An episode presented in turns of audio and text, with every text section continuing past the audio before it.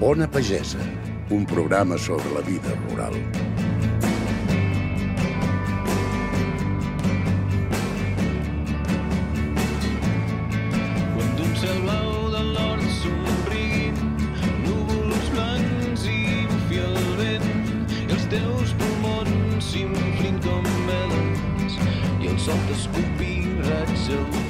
Hola a tothom, benvinguts a Ona Pagesa, el podcast sobre vida rural del projecte Arrels. Què és el món rural? Així, eh, de bones a primeres, és una pregunta força difícil de respondre. Hi ha qui ho resumeix dient que és rural tot allò que no és urbà. Vist així, podria ser una definició.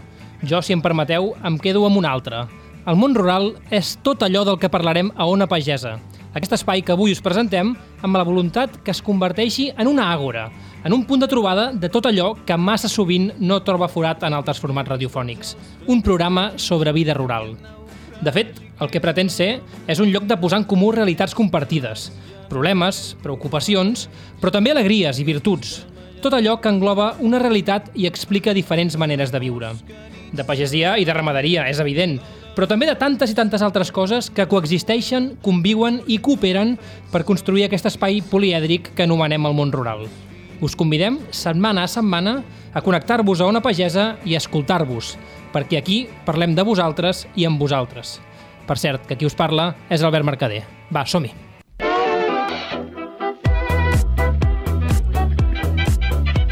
Miquel Andreu, bon dia. Company bon dia. de viatge del tren d'una pagesa.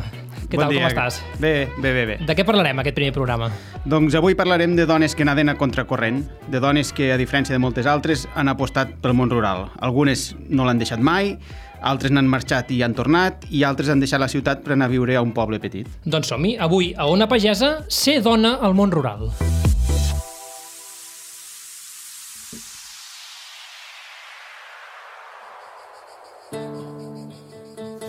Ona Pagesa, el programa de ràdio on contem ovelles per tu.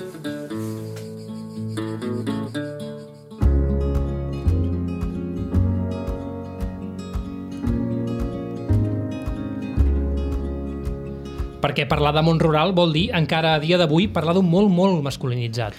Efectivament, el món rural és, és, és un món masculinitzat, així de clar, tant pel que fa al sector primari estrictament com al conjunt de la població que viu en comarques de baixa densitat demogràfica. O dit d'una altra manera, elles marxen més que ells dels pobles i moltes ja no hi tornen, fins al punt que en alguns llocs del país el desequilibri entre homes i dones comença a ser preocupant. Anem a posar-hi context. Hi ha dades que dibuixin aquesta desigualtat? Per exemple, Miquel, tu ets de les Garrigues. Aquí la distribució de gènere és paritària, per exemple, podríem dir? No, de fet és de les comarques més masculinitzades del país.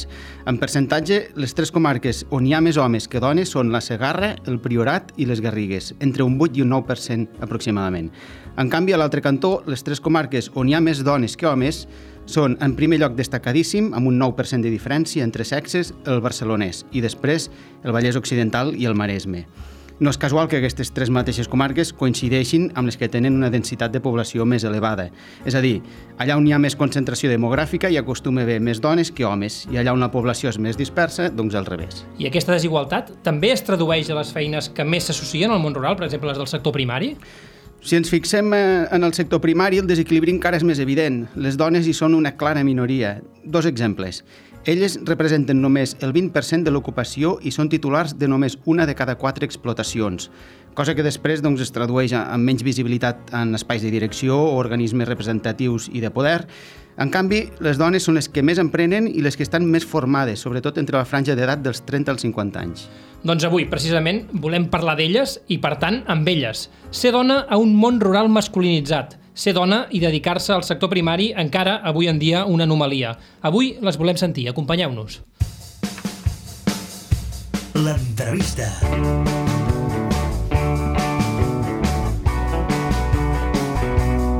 Doncs, Miquel, qui ens acompanya avui per parlar-ne?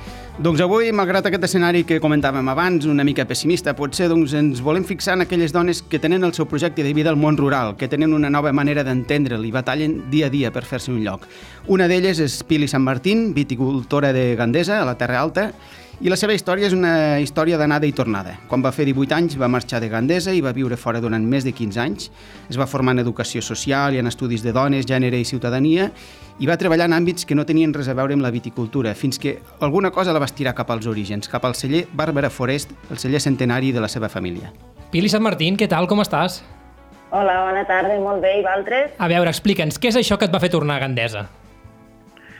Bueno, pues va ser un retorn com superintuitiu, no? De, de, de cercar, de cercar arrels, de cercar, de cercar motius eh, que, que en aquell moment estaven fora de, de l'àmbit on jo vivia, que era el món urbà, i, i com aquesta necessitat de tornar a, al poble, sí, a, a, en este món que jo havia viscut de joveneta, no?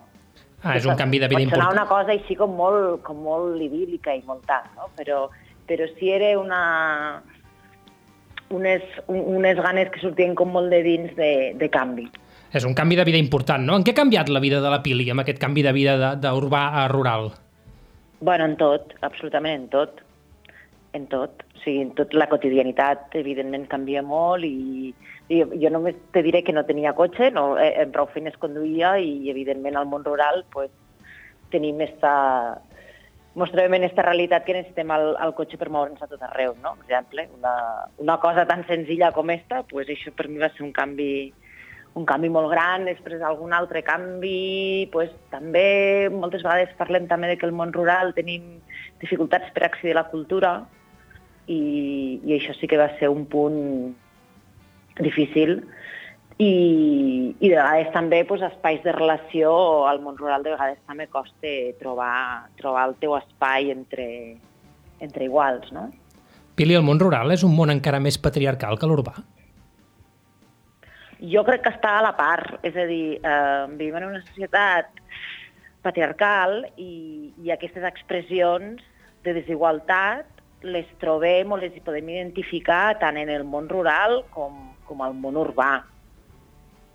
En canvi, eh, Pili, no sé si és una sensació meva, eh, potser per l'enoturisme, de que s'hi veuen força dones, però el món del vi, eh, a vegades, eh, has comentat també que, que, és un, que és un món molt masculinitzat, també, no? El, jo em pensava que, que era al revés, que potser el món del vi dins del món agrícola era dels, dels més... on hi havia més presència femenina, no sé si és així. Bueno, hauríem de mirar moltes estadístiques. Um, les dones, per exemple, um, amb el sector del vi són, i potser sí que dins del sector primari potser és un dels sectors on són més visibles, això no vol dir que en, altres sectors no hi siguin, no?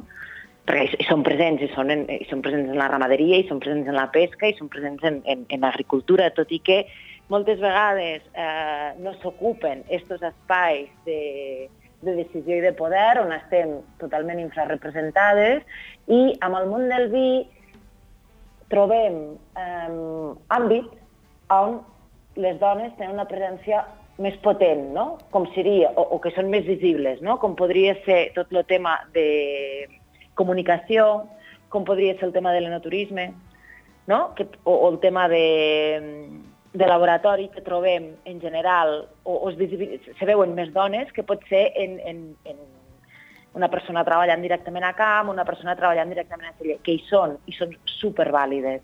Però, bueno, de vegades tenim estos biaixos, no?, a l'hora de a l'hora d'interpretar ens pot donar la sensació que sigui un món molt feminitzat o, o més feminitzat dins del món, dins del sector primari, però jo crec que aquí sí que me n'hauríem d'anar molt a, molt estadístiques, no? en quins espais hi ha més infrarrepresentació i en quins espais hi ha més representació. I, i de, però, de fet, les dones sempre hi han sigut, no?, el món rural, en, històricament. El que passa és que pot ser amb feines poc valorades, fins i tot gens remunerades, no?, molt subsidiàries de, de, de les de l'home, no? Mm, Les dones han estat sempre a tot arreu, perquè si no, no continuaríem aquí, no? El que passa que sempre hi ha hagut aquesta part eh, que no ha sigut visible o que no m'ha estat tan presents en l'àmbit públic, no? Perquè estava, històricament estàvem com més presents en, este, en, en, en els àmbits més de, de, de reproducció i de cura que, que, que li diem, no?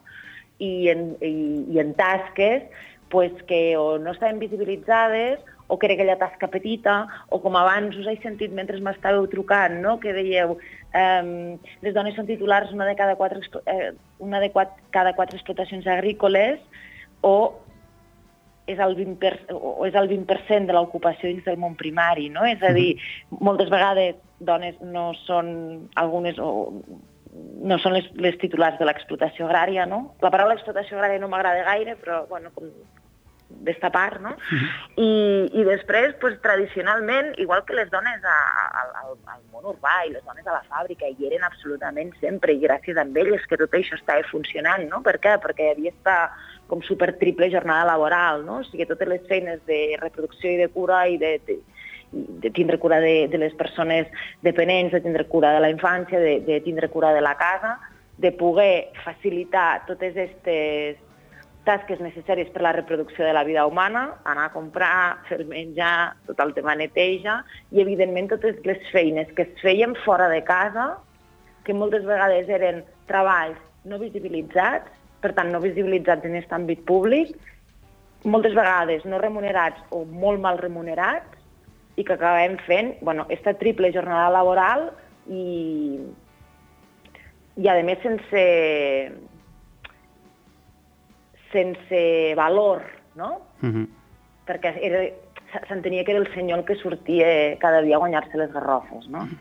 I, i al món rural pues, també era així, no? Moltes vegades pues, si parlem en, en gent més gran, pues, expliquen que les dones pues, a lo millor tenien eh, adjudicades altre tipus de tas altres tipus de tasques, no?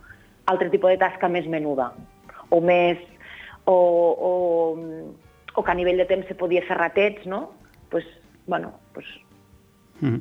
ens trobàvem una mica en això i, i, i actualment tenim la sort que, que tot això està canviant, però està canviant molt a poc a poc. Uh -huh. El vostre celler, Pili, de fet, porta el nom de, de Bàrbara Forés. Qui, qui era Bàrbara Forés? Bueno, la Bàrbara Forés era una senyora que va néixer el 1828, que ella en aquells moments era propietària agrícola, és a dir, aquí crec que ens trobem amb, amb l'excepció, una, o una de les excepcions de- d'este món, no? Mhm. I, mm, I llavors, quan, quan a casa estàvem buscant, això per part dels meus pares, eh? quan jo no estava al celler en, en, en aquells moments, als anys 90, jo era més, jo era més petita, no? I en el moment que buscaven nom pel celler i anàvem fent una mica de treball de genealogia familiar, contínuament se trobaven en la figura de la Bàrbara Forés. No? La Bàrbara Forés apareixia, apareixia, apareixia, no? I, i llavors vam buscar informació i em vam donar compte pues, de que era una senyora molt avançada a la seva època i, un dels seus fills va ser el Rafael Ferrer Forés, que ell va ser el que va eh, construir la casa pairal i va començar a elaborar vins. Vale? Llavors pues, ens bueno, prenem una mica la figura de, de la mirada d'esta dona, no? o, de, o del que va significar la Bàrbara. No? Jo seria la sisena generació després, d'esta, després de la Bàrbara. No? Pili, que et va fer tornar a Gandesa a ser aquesta sisena generació després de la Bàrbara? Bueno, mm, una mica el que us explicava abans, no? com aquesta necessitat de tocar terra, aquesta necessitat de, de, de viure d'una altra manera o de viure d'una manera com més tranquil·la i més acompassada a, a, als, als cicles, no? als, cicles, als cicles de la terra i a... Bueno, mm, va ser com, un, com una necessitat d'explorar i, i per què no fer-ho en, en el tema del vi. El tema del vi a mi sempre m'havia semblat molt interessant, sempre m'havia apassionat, però mai m'hi havia dedicat dedicat d'una manera absoluta, no? I, i vaig pensar, bueno, doncs és un, una nova porta que es pot obrir, no? I, i on evidentment ho has d'aprendre tot, no? Perquè quan, quan treballes la terra, cuides la vinya, fas vi, elabores el vi, vas a vendre el vi, i, o sigui, este tip, en el moment que fem tota aquesta transformació, fem tot el cicle, hi ha molta... hi ha molt camp per aprendre, no? I llavors, doncs, bueno, a poc a poc anar, anar començant i anar fent. Va. Creus que existeix una manera femenina d'entendre el, món rural, que, que potser s'aparti d'aquestes jerarquies mm, tan verticals que dèiem abans, o d'aquests espais de poder, o d'una visió potser més productivista o més grandiloquent? Hi ha una mirada femenina que, que porti a fer les coses d'una altra manera? O almenys en el teu cas? Pot haver una mirada, pot haver una mirada que sigui diferent, jo crec que això sí que és cert, però que no ens ve genèticament pel fet de ser homes o dones, sinó ens ve per aquesta socialització que hem tingut, no? socialització de gènere, que hi ha un moment que, que evidentment se trenquen coses i, i pot ser que hi hagi aquesta mirada com més de, evidentment de cura, de, de, de, de una mirada com més respectuosa en l'altre, com més respectuosa amb els contextos, amb els entorns. Pot ser, sí, però sempre venint d'esta de, part cultural, no? d'esta part de socialització, d'esta part de, de creixement. Doncs, si us sembla, tot això que, ens, que aquestes reflexions que ens farà la Pili, molt encertades, uh, les podríem traslladar a la nostra sala polivalent, perquè hem demanat a dues persones més que tenen històries molt semblants a les que ens explica la Pili, que ens acompanyin, i de fet, Pili, tu si vols quedar-t'hi una estona també per nosaltres encantats, serà un plaer. Gràcies. Ona Pagesa, de les arrels a les ones. La sala polivalent. Perquè tot això que ens explicava ara la Pili no, ho podem deixar aquí en l'aire, sinó que ho hem d'aterrar, ho hem de comentar, ho hem de valorar, i per això hem demanat a dues convidades que ens acompanyessin també, que s'unissin en aquesta nostra sala polivalent. Miquel, qui ens visita avui? Avui també tenim el Raquel Serrat, ella és nascuda a Manlleu, es dedica des dels 23 anys a la ramaderia ecològica de boví i carn d'aquí al poble de Pardines, al Ripollès, i forma part de la Junta de l'Associació de Dones del Món Rural i també és la responsable del sector equí de carn d'Unió de Pagesos i també dels sectors de medi rural, de polítiques de muntanya i de dones dins de la mateixa organització agrària. Raquel Serrat, benvinguda. Que bona tarda. I també tenim a la Montse Freixa, ella va néixer a la Floresta, a la comarca de les Garrigues, però quan tenia 7 mesos els seus pares van anar a viure a Terrassa, que és on ella va créixer, i fa 9 anys va decidir tornar al poble, a la Floresta, i obrir un restaurant. Ara actualment viu als Omellons i s'ha especialitzat com a assessora gastronòmica d'un dels fruits més preuats de l'agricultura de la zona, l'oli d'oliva. Montse Freixa, benvinguda a la sala polivalent, com estàs? Gràcies, encantada d'estar aquí. Molt bé, deixeu-me traslladar la primera pregunta a la Raquel, perquè com us deia ara el Miquel, la Raquel Serrat forma part de la Junta de l'Associació de Dones del Món Rural. I uh, tinc una pregunta obligada, Ra Raquel. Per què una associació de dones al món rural? Bueno, perquè uh, jo crec que hi havia molt de necessitat que es fes i no se'ns va fer evident d'aquesta necessitat fins que es va crear. Uh, L'associació va començar ja fa molts anys, l'any 2008 concretament, des de l'Escola Agrària de Monells, que la directora va agrupar un número petit de dones per anar a visitar dones del País Basc que en aquell moment ja treballaven associades i de llavors cap aquí cada any es feia una sortida diferent, visitant eh, es, bueno, les ramaderies o agricultures on la titular o la que titular fos una dona, de diferents llocs d'aquí a Catalunya i de, també d'Espanya. I, I cada vegada eren més, fins l'any 2016 que vam dir, ostres, són moltes i podríem fer alguna cosa, i va ser precisament també la, la Meritxell Serrat, que llavors estava de conseller d'Agricultura, que ens va acabar d'animar per fer-ho. No?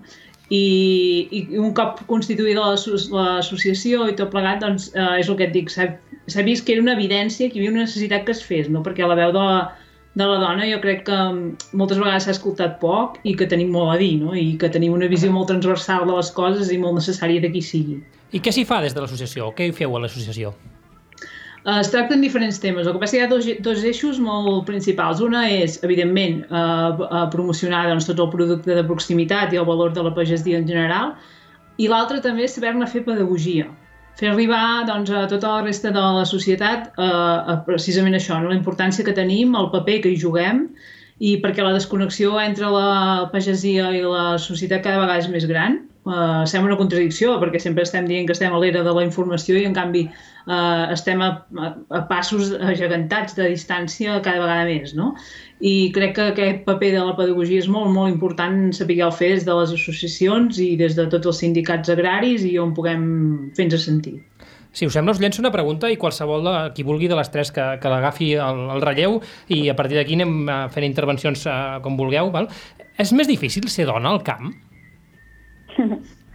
bueno, són per al·lusions. Um, eh, mira, jo, jo l'experiència que jo tinc en, el, en el, la zona on jo sóc, uh, com que jo no tinc arrels realment pageses, entenem que, és a dir, quan, quan ets uh, fill de pagesos o segones o terceres generacions de pagesos arraigats al teu territori on ja hi ha una història, el cognom i tota tota aquesta sèrie de coneixements que es van traslladant de generació en generació, eh, hi, ha cert, hi ha cert respecte en aquest sentit, però quan, quan realment no formes part de d'aquests relleus eh, generacionals, eh, és com que t'envolta un, un escepticisme per part de la gent, com de, de que no és possible que algú que no, que no s'hagi criat en aquest ambient eh, pugui dedicar-s'hi o pugui ser doncs, igual de vàlid o d'útil. No? És com...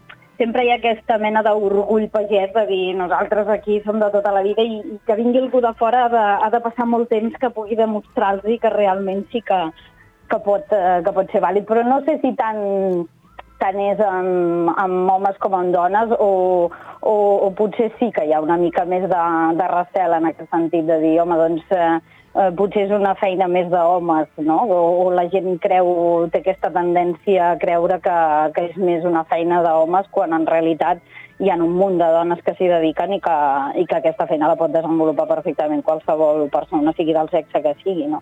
Bueno, aquesta és la meva, la meva opinió per l'experiència que jo he tingut. Eh? No sé si les altres opinen igual. Jo crec que, que el que ens podem trobar algunes vegades és com cert qüestionament, no? No et veuen entrar per la porta i et diuen, bueno, i on està, on està el jefe, no? On està... Sí. No? I dius, bueno, aquí estic jo, no? I, o, o este qüestionament no? de, de, de les feines. Perquè associem, i és cert, el, el sector primari és un sector molt dur, les feines, les feines del camp són feines molt dures, i, i hi ha de vegades aquest qüestionament, però, però no crec que sigui només amb el sector primari. Jo crec que en, en molts altres sectors que tradicionalment han estat masculinitzats, jo crec que, que, que és que sempre hi ha com aquesta imatge de que trenques, no? els hi trenques totalment amb l'estereotip que, que, que pensen que ha de respondre aquell perfil, no? i diuen, ostres, tu què fas aquí? Mm. Perquè com expliqueu vosaltres que el percentatge de dones sigui més baix a les zones rurals que a les urbanes? Uh, jo penso que tot he, estat, estic totalment d'acord amb el que han dit totes dues, eh? però també aquí jo crec que les coses van començar a canviar quan vam ser nosaltres que vam començar també a creure que podem, podíem fer molt més del que ens donaven per fet que teníem de fer, no? Vull dir que es donaven per fet doncs, que nosaltres la nostra feina era, no sé, cuidar l'hort, la canalla, donar menjar i vull dir, un rol molt determinat i quan i, I des de sempre, jo crec que les idees emprenedores i aquell punt diferenciador a totes les explotacions agràries ramaderes sempre l'havia portat la dona, i tant ara com abans. Eh? I vam ser quan vam començar a creure una mica més amb nosaltres mateixes, no? jo sempre dic que el que falta a aquest sector és molta l'autoestima, que les coses van començar a canviar. I el que passa que sí que hi ha aquest sentiment amb noies que s'incorporen o que tenen projectes nous o que elles són al capdavant de l'explotació, de que sempre han d'estar demostrant alguna cosa més, no? que segurament si fos un noi doncs no, no ho haurien de fer. Eh. Però quan, eh. quan veuen que la feina surt i que es fa bé i que són unes excel·lents professionals, també fa callar la boca a molts, no? Eh. És així. Heu notat si eh, en els vostres àmbits eh, laborals, que són molt diferents els uns dels altres, eh, esteu envoltades cada vegada de més dones? Hi ha més dones que s'incorporin? Més dones, no. Uh, o, o sigui, sí que hi ha una part de, de noies que, que s'incorporen, no tant a la meva zona, jo soc del, del Ripollès del, i la ramaderia, doncs uh, és un sector que començar de zero sense absolutament res, no m'atreveixo a dir que és impossible, però gairebé, vull dir que és, és complicat, Uh, vull dir que si no tens una base territorial o una base econòmica doncs és, uh, es fa difícil, però sí que en llocs uh, es fan incorporacions relativament més fàcils, com estic parlant amb d'horta ecològica o programes així, doncs moltes vegades és la dona que ho fa, hi ha una noia que empeny, no? I, i això sí que es veu. Uh -huh. Què canviaríeu de les vostres societats rurals, no? Si ara poguéssiu tindre el poder de dir, ostres, no? Ja, això no m'agrada o això crec que, que, que anem endarrerits, no?, en aquest aspecte hi hauria alguna cosa que diguéssiu ostres, això grinyola i s'ha d'acabar ja o s'ha de canviar ja? Sí, algunes sí, eh? eh? Jo particularment del meu territori canviaria... Mm, mm, crec que una de les coses que afecta més el, a, a, diríem a la limitació en quant a avançar a, com a territori rural, que mm, bueno, és un dels territoris que està una mica més endarrerit i més desfavorit, jo el que canviaria és la politització que hi ha sobretot. És a dir, el món agrari pertany a la política en aquest territori, no hi ha independència, és a dir, tot afecta eh, quan hi ha canvis eh, a nivell de, de, de política, quan hi ha canvis doncs, després d'eleccions, després de tot això mm, crea un daltabaix que, que tot es capgira, que, que doncs, projectes que tenien, que tenien un, un trajecte fet amb una visió, amb uns objectius, es trenquen i es perden perquè doncs, qui, qui sigui... I aquesta manera com evidentment també està supermasculinitzada, no? perquè la política aquí sempre té cara d'homes, i, i el que hi ha doncs, és aquest tarannà o aquesta manera de creure que, que, que fer política aquí és ser propietari de, de tota la pagesia i, i per tant fent les coses cap on volen. I això és el que limiten molts dels casos quan hi ha iniciatives i en nous projectes els limita i els, els, fa, els fa evaporar, els fa perdre una, una intencionalitat de realment valorar els projectes per tal com són els objectius que tenen i el que poden aportar, sinó que si políticament ja no eren dins del seu, del seu camí, doncs simplement els, els deixen perdre. No? I això és el que fa mal, diríem, perquè clar, és com, com allò de que el vent bufa cap on va, saps? I no, no tens una sensació real de, de que es treballi per, per fer evolucionar el territori, sinó que, bueno, depèn de qui hi ha al capdavant, doncs eh, farà perdre unes coses i n'engegarà unes altres, i no hi ha aquest, eh, no tens aquesta sensació, no?, de dir, bueno, doncs, eh, passi el que passi, doncs es seguirà treballant, sigui qui sigui amb la cara de qui sigui per, per tirar endavant. No sé si és una cosa del, de la zona meva o és en general això, però sí que és una sensació que jo la canviaria de seguida. Jo, la meva opinió, canviar, canviar, o sigui, a nivell individual o, els, o, o els o les que hem d'optar per viure al món rural, poques coses canviaria en el sentit de qui som, perquè és la nostra opció i ens agrada moltíssim i uh, ho estimem molt. Però el que acaba de, de dir ella té tota la raó. Per molt que nosaltres hi vulguem estar, si no hi ha una aposta clara de país, si, no, si, el servei del, si els serveis al món rural no, no arriben, no? si no hi ha unes bones connexions a internet, unes bones infraestructures, uns bons serveis sanitaris, i només som això, un parc temàtic per la gent de, que ve als caps de setmana, doncs no, no tirarà endavant per molt que nosaltres vulguem. Uh, vull dir que sí que poder el que canviaríem no està del tot a les nostres mans, no? I que torno també una mica sí, perquè, per exemple, que dèiem, uh, a fer política està en man dels homes. Sí, podem de ser nosaltres també, eh, que vulguem canviar una mica això i ficar-nos-hi. Sí uh, saps? Vull dir que a vegades també és això, però jo crec que tot, tot anirà caient pel seu propi pes, no? I que és veritat que hi ha una mentalitat, estic, estic parlant molt aquí a la muntanya, però vull dir que hi ha una mentalitat molt tancada, la gent és gran, uh, mm. bueno, però tot això ja anirà canviant però que sí que necessitem un suport de les administracions des de fora si volen realment un país viu i un territori equilibrat. Sí, jo estic d'acord amb, amb el que comenten les companyes eh, i el que veig com a punta de palanca per fer aquest tipus de canvis. Crec que almenys al, al, al sud, a la Terra Alta, ja és, és el, tot aquest treball més d'autoestima no? i, i d'aquest dret com a habitants del món rural de poder decidir quin futur volem per al nostre, per al nostre territori, no? perquè moltes vegades bueno, nosaltres estem en una situació de, de massificació eòlica brutal i encara només ens porten projectes i més projectes i més projectes d'eòlica i de solar que són un autèntic despropòsit i no s'escolta la veu del món, del, del, del, del món rural i a bandes que són un tipus de projectes que no són gens compatibles amb, amb, amb l'opció de desenvolupament que ha triat aquesta comarca. No? I crec que va molt vinculat a el que comentaven les companyes. No? Abans la Raquel comentava que, que al món rural hi sou perquè us agrada moltíssim, no? Parlem d'això, d'aquesta vessant més positiva, del que no canviaríeu de viure al poble, de què, què hi heu guanyat eh, amb la vida de poble? Uh, tot.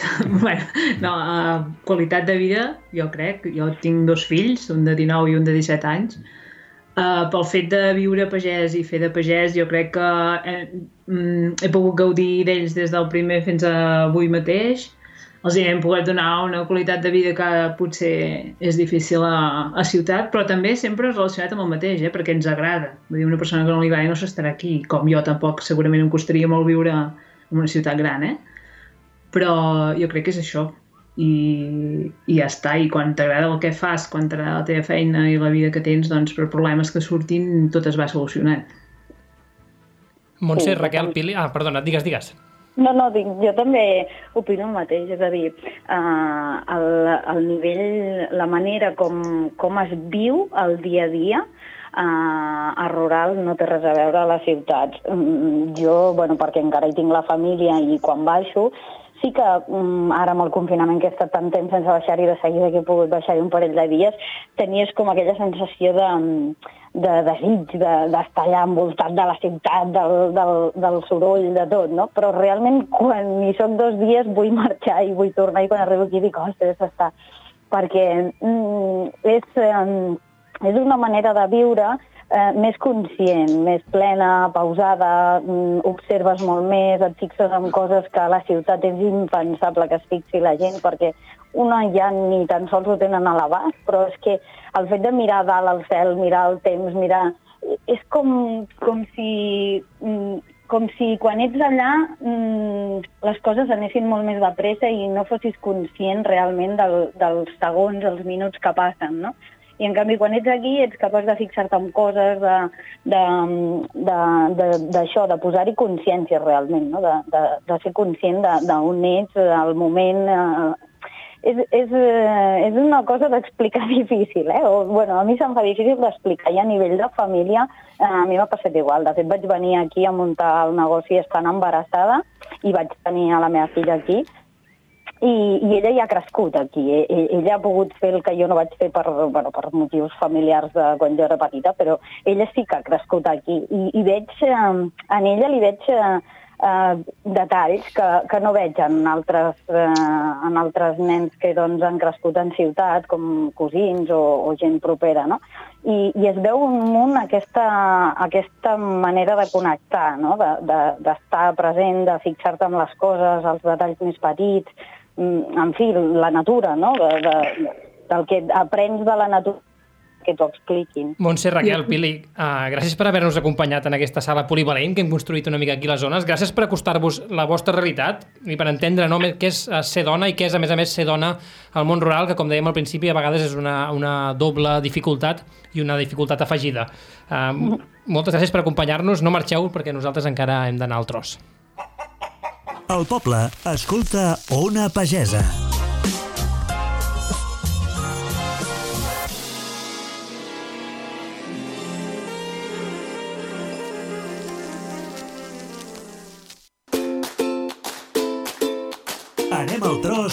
l'Ester Gomis.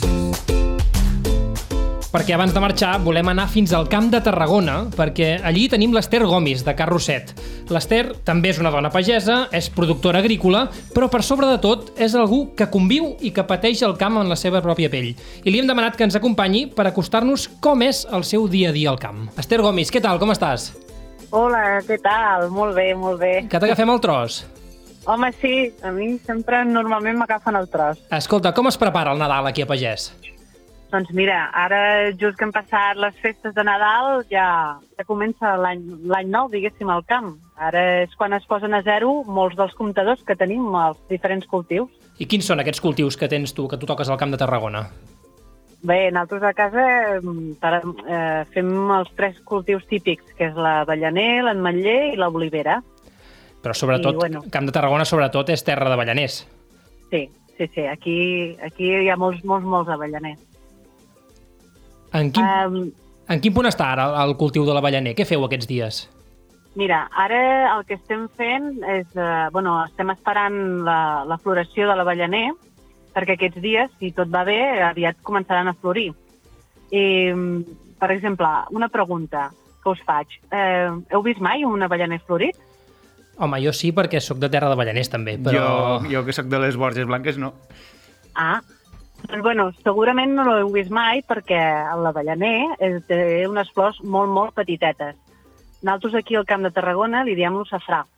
I és perquè les flors de l'avellaner són tan petites com, com una llentia o un gra d'arròs i treuen els pístils que fora, fora de, la, de, la, de la flor, de l'embolcall, i són així molt, molt vermells, són magenta, tirant a porpra. I aquests eh, aments és, eh, ens, ens recorda, diguéssim, el color de, de, la, de les flors de safrà. L'avellaner fa la floració cap allà els últims dies de gener, principis de febrer, quan fa més fred, i les flors femenines treuen el safrà, com ho diem aquí, i les flors masculines s'enxamplen i deixen anar el polen. I, clar, l'avellaner es polinitza pel vent, no? Hi ha, hi, ha, hi ha gent que diu que aquí les avellanes són filles del vent. I mentre això passa, imagino que com tot passa al final del tros, vosaltres teniu feina també darrere d'aquest procés de floració dels avellaners, no? Sí, ara és època de, de neteja, d'esporga, i ara doncs, bé, ens dediquem a retirar les branques mortes dels arbres, també perquè quan comencin a brostar eh, l'arbre doncs, estigui sa.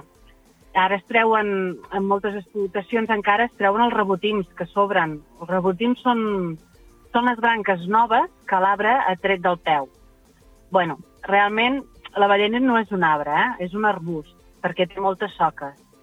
I llavors aquestes soques petites n'hi ha algunes que sobren i s'han de treure.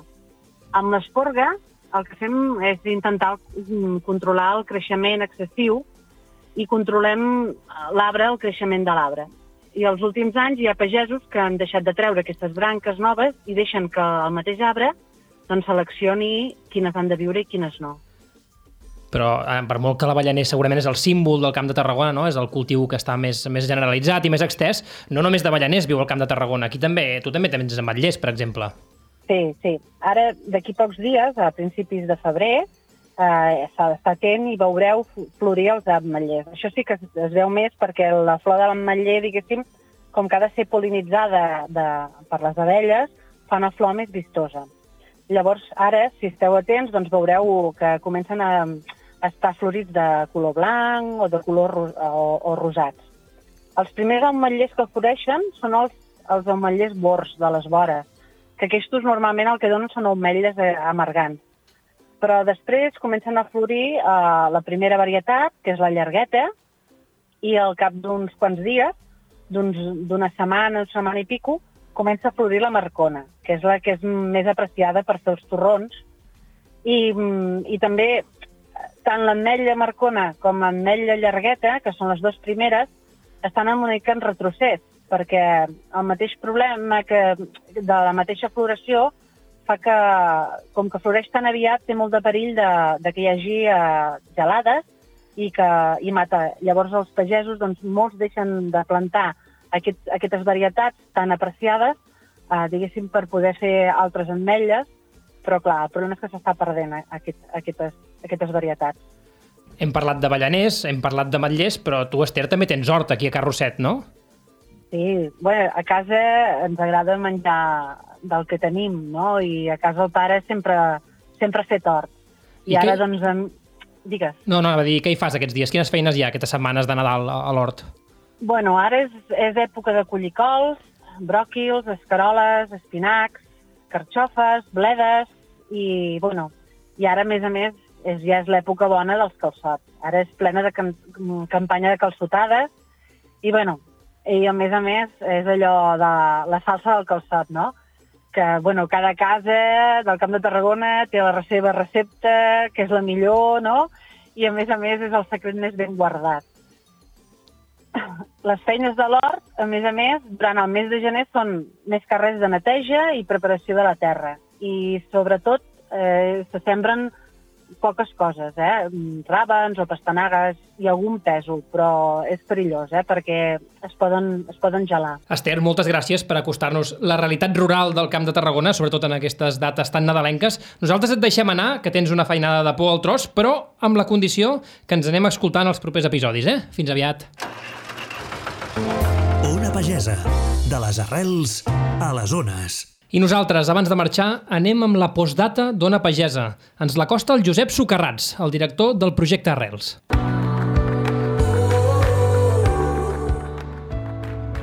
Diu la viticultora Judit Sogas que la dona és la mare terra i la mare dona. És la cuidadora i la que cuida la terra. Si moltes dones tornen a la pagesia, a la terra, a les cases pairals, això donarà molta vida al territori. La Judit és una de les vuit protagonistes de Terra de Dones, el llibre que la periodista Laura Saula ha presentat aquest desembre. I la Judit és un reflex d'aquesta revolució, cada cop menys silenciosa, que s'està produint al camp català. La política, l'economia, massa sovint s'han mirat la ruralitat exclusivament en termes de productivitat i marge de benefici. Avui ens adonem de l'error que ha suposat aquesta mirada. El sector primari s'ha reduït a la mínima expressió, el món rural s'ha buidat i tot això ha, ha provocat problemes mediambientals, d'equilibri demogràfic i de salut. I aquí és on la mirada feminista esdevé necessària i revolucionària, també en el món rural. Una mirada que va més enllà del guany immediat, una mirada en què el benestar, les cures, la memòria, el respecte contribueixen a construir un món millor. El projecte Arrels vol donar suport a aquest món, el món que torna és el món en què la natura, la ruralitat, la ciutadania van de bracet. El món que torna és el de la Judit i el de totes aquestes pageses que se'n fan cada dia més protagonistes, perquè la seva mirada, la seva tasca diària recondueixen un sistema que no ens portava enlloc i del qual n'han estat històricament les grans oblidades. Les dones pageses assenyalen la ruta del món que torna i això mereix el més gran dels nostres reconeixements. Us acompanyarem en el vostre camí, que també és el nostre. Ona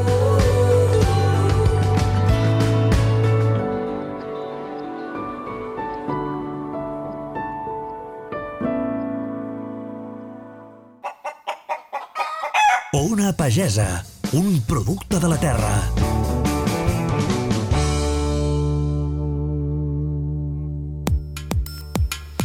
I ens acomiadem amb música, també en femení, com la realitat del programa d'avui, i també del Camp de Tarragona, com l'Ester Gomis. Són la roba estesa i aquesta reivindicació del món rural en femení, la pagesa. Gràcies per escoltar Ona Pagesa. Ens retrobem al proper programa. Fins aviat. La pagesa.